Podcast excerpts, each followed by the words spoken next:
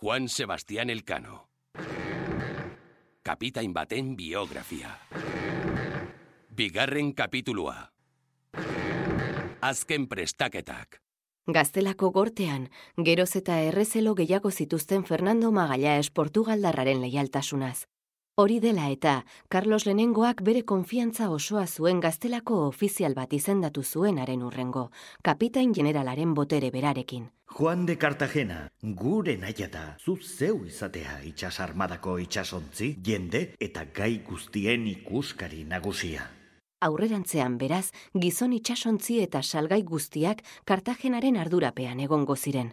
Haren botereak izua zorrarasten zuen, baita kapitain generalari berari ere. Horrez gain, erregeak itxasarmadan erroldatutako Portugaldarren kopurua murriztea agindu zuen. Ez daitezela amar Portugaldar baino gehiago joan, baina egin beharrekoa disimulu handiz egin dadila.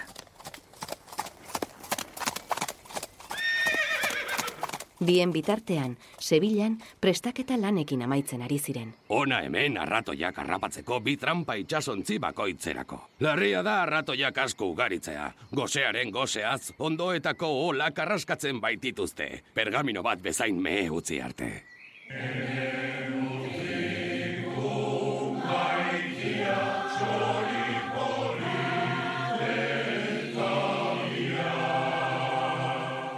Kontu berezia izan zuten elikagaiekin, haien mende baitzegoen beren bizitza. Elikagai guztietan garrantzitsuena ogia zen, bizkotxo esaten zioten.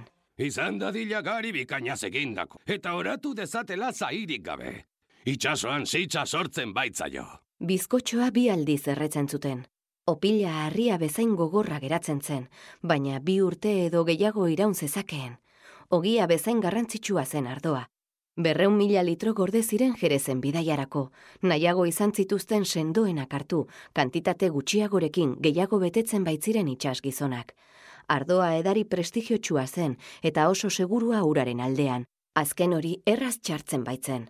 Ardoak gainera, itxas gizonen gogo aldartea hobetzen laguntzen zuen. Gaixoentzat, berariaz, dilistak, maas pasak eta aran lehorrak hartzen zituzten, haiek zaintzeko bete beharrari dagokionez, enperadoreak agindu zehatzak eman zituen. Zaindu gaixoak behar bezala. Eta ez onartu, inondik inora.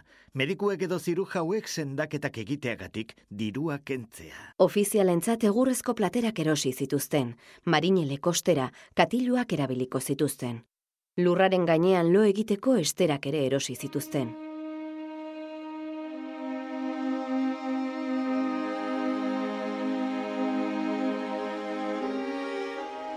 Itxasontzi bakoitzean, hogei tona hogi baino gehiago, berrogei mila litro ardo, amabos mila litro ur, eta beste lautona arrain gazitu eta irugiar eraman zituzten. Hori ezkain, beste elikagai mota batzuk, salgaiak, lanabesak, kandelen eta kablen ordezkoak, janaria prestatzeko egurra, arrantza tresneria eta era guztietako armak zeramatzaten. Beraz, itxasontzi haietan lekua zen benetan faltazena. Gaur egungo ikuspegitik, higiene pertsonala ere eskasa zen oso. Baina garai hartan, medikuak eurak ere ez ziren ados jartzen gorputzaren garbitasunak zuen balioaz. Honela hitz egiten zuten espedizioko barberuek.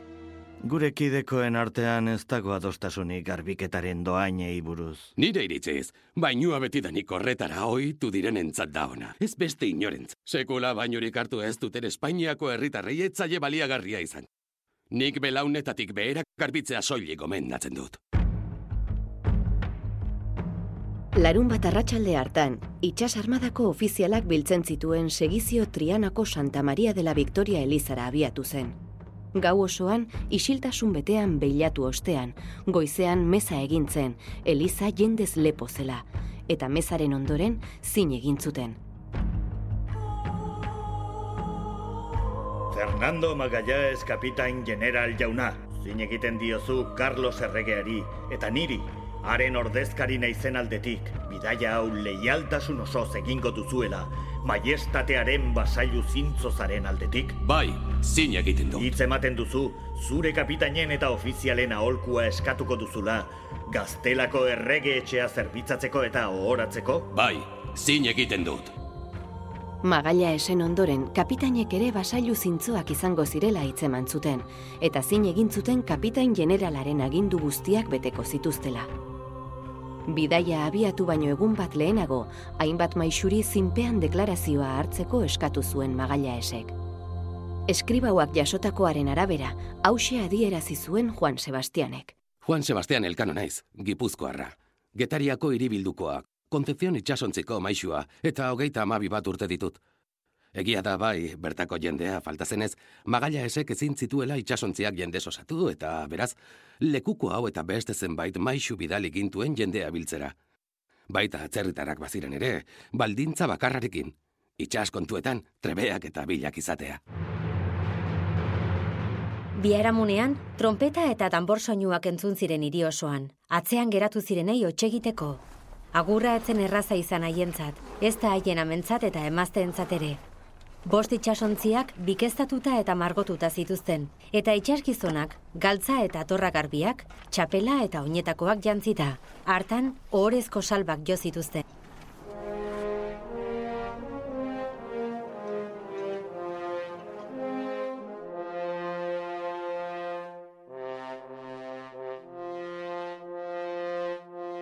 Abuztuaren amarrean abiatu ziren ilargi beteko egun batean. Izan ere, ilargi beteko egunetan marea biziak izaten dira eta ibaietako ur maila hasi egiten da. Torre del Orotik San Lukar de Barramedara arteko zatian, tranquil nabigatzen zen Guadalquivir ibaian, zuaizti artean. Baina ibaian zeuden ondarpeak zirela eta itxasontzi ugari galtzen ziren, itxaso zabaleko mila kilometroan beste. Eguerdian, itxasgora eltze hartzela Juan Serrano Santiago ontziaren buruak aingurak jasotzeko agindu zuen. Sakonera txikieneko itxasontzia zenez, Santiago kireki zuen espedizioaren bidea. Brankan eta popan marinelak adi zeuden, aingurak eskuetan hartuta, itxasontziari eutxi behar baitzioten ere. Izan ere, ongi zekiten guzti zamatutako itxasontzi bat, beirazko ontzi bat bezaina euskorra zela nahikoa zen kolpe txiki bat itsasontzi osoa puskatan austeko. Tentuz nabigatu zuten, itxasgora baino ordu erdi lehenago hasi eta ordu erdi geroago arte, eta horren bestez, egun batzuk behar izan zituzten San Lukarrera iristeko. Juan Sebastianek bere pilotuari, Carballo Portugaldarrari emantzizkion bidaiarako tresnak. Bi navigazio horratz, metalezko astrolabio bat, muturrean beruna zuten bisoka biribilki eta ondarrezko bi erloju. Fidagarriak dirudite, baina badakigu zein zaila den ondarrezko bi erloju bateratzea, bi pertsona bat etortzea bezain zaila.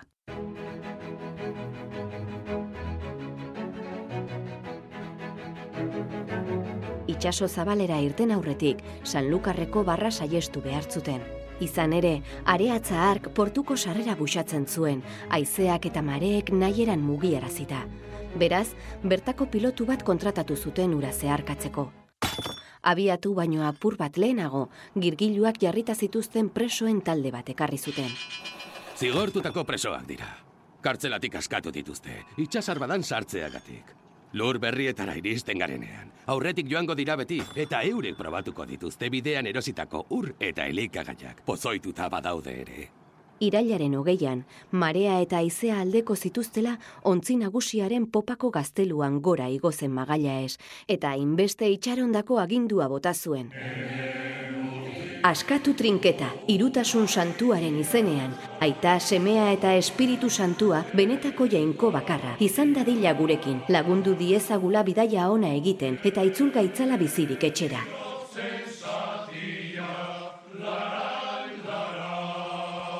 Agur Maria azkar bat atera zen berreun eta hogeita mabost itxasgizonen bihotzetatik.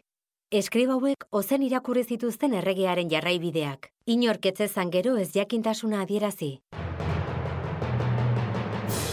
Itxasontzi guztie kontzi nagusiari jarraituko diote, egunez banderaren atzetik eta gauez argiontziaren atzetik. Jendea biziten lurralde batera iristean, guk balia dezakegun ezer baden jakin behar dugu, beti ere haien aurkako inolako zentzugabekeriarik egin gabe. Bertako emakumeen aurkako delituak zigortzeko aginduko dugu.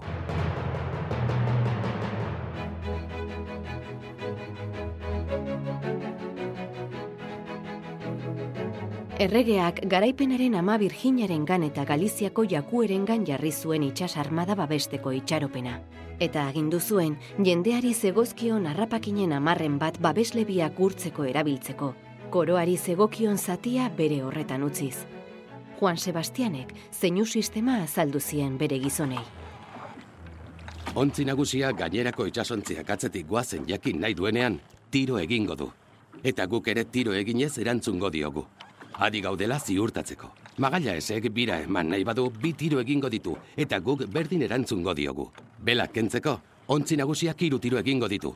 Eta itxasarmada geldi badako, lau tiro egitean abiatu egingo gara mezak egiteko zilarrezko bi kaliza, ostiakaxak eta kandelak zeramatzaten, argizari egindako kandelak, uste baitzuten gantze egindakoak etzirela behar bezain duinak sakramentuak egiteko, danborrak eta panderetak ere egin zituzten denbora pasa aritzeko.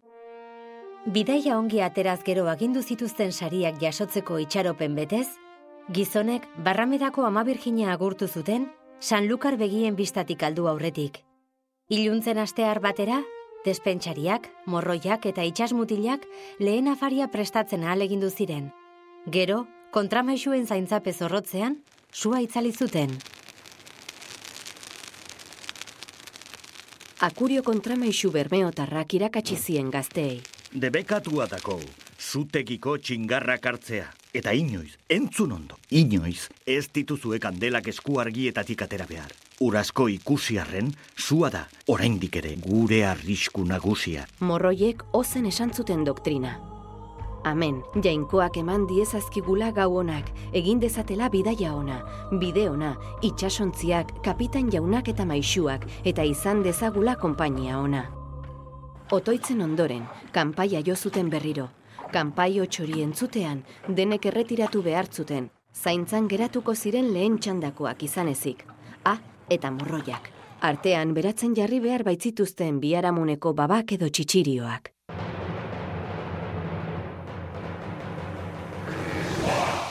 Olatuen eta izearen hotxak baino ez dira entzun behar.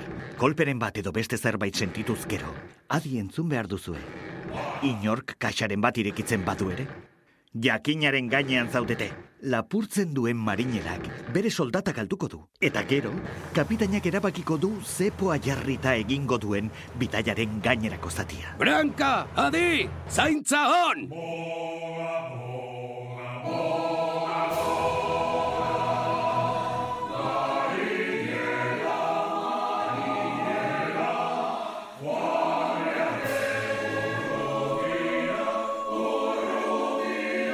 Deia entzutean, brankan zeudenek oiu edo marmar batez erantzuten zuten, etzeudela loa dierazteko.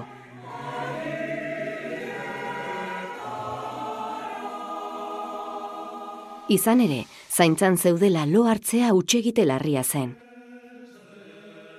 Erruduna hiru aldiz murgilduko zuten itsasoan, masta nagusiaren belazurrunetik. Eta berriro utxe ginez gero, zuzenean itsasora bota al izango zuten.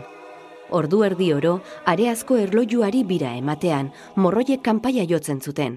Kanpaiura etzen isilduko sebilara itzuli arte.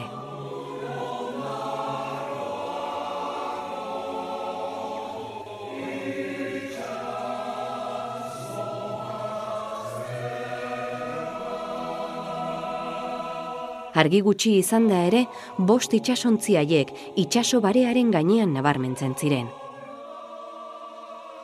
Mastek kolore gorri bizia zuten eta bela batzuk kolore horrekin tindatuta zeuden. Alere, nabarmen ikusten ziren jakueren gurutze handiak, ama virginaren irudien ondoan.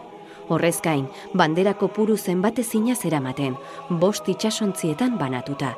Eta iluntasun betean, ontzi nagusiko popan jarritako argiontzi batek ozeano itxasoranzko bidea marrazten zuen.